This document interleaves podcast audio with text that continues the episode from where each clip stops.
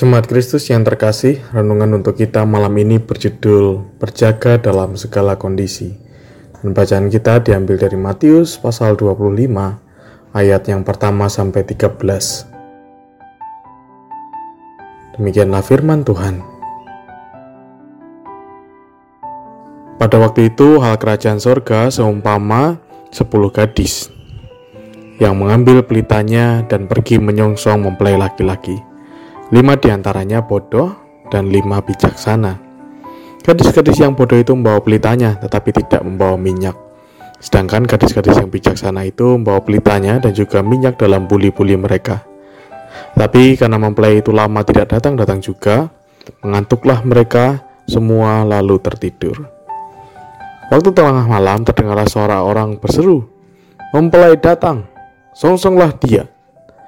Gadis-gadis itu pun bangun semuanya lalu membereskan pelita mereka. Gadis-gadis yang bodoh berkata kepada gadis-gadis yang bijaksana, Berikanlah kami sedikit dari minyak itu, sebab pelita kami hampir padam. Tapi jawab gadis-gadis yang bijaksana itu, Tidak, nanti tidak cukup untuk kami dan untuk kamu. Lebih baik kamu pergi kepada penjual minyak dan beli di situ. Akan tetapi, waktu mereka sedang pergi untuk membelinya, datanglah mempelai itu, dan mereka yang telah siap sedia masuk bersama-sama dengan dia ke ruang perjamuan kawin, lalu pintu ditutup.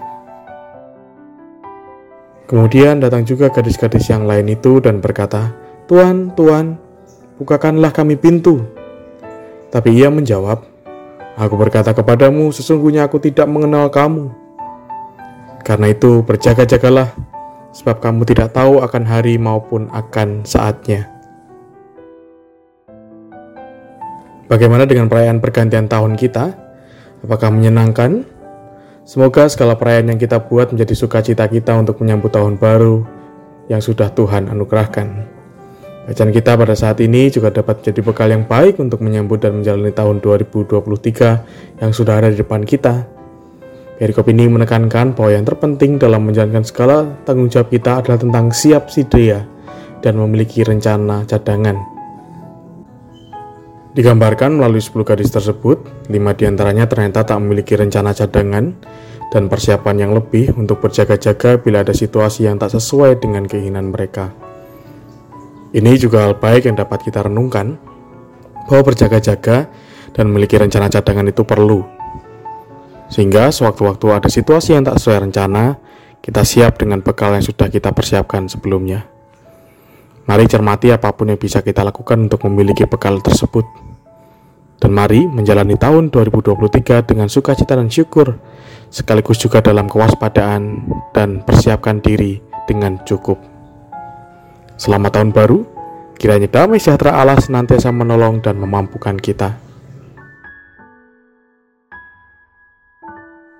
Demikianlah renungan malam ini. Semoga damai sejahtera dari Tuhan senantiasa memenuhi hati dan pikiran kita. Amin. Jemaat yang terkasih, mari menaikkan pokok-pokok doa yang ada dalam gerakan doa 21 GKI Sarwa Indah. Mari berdoa.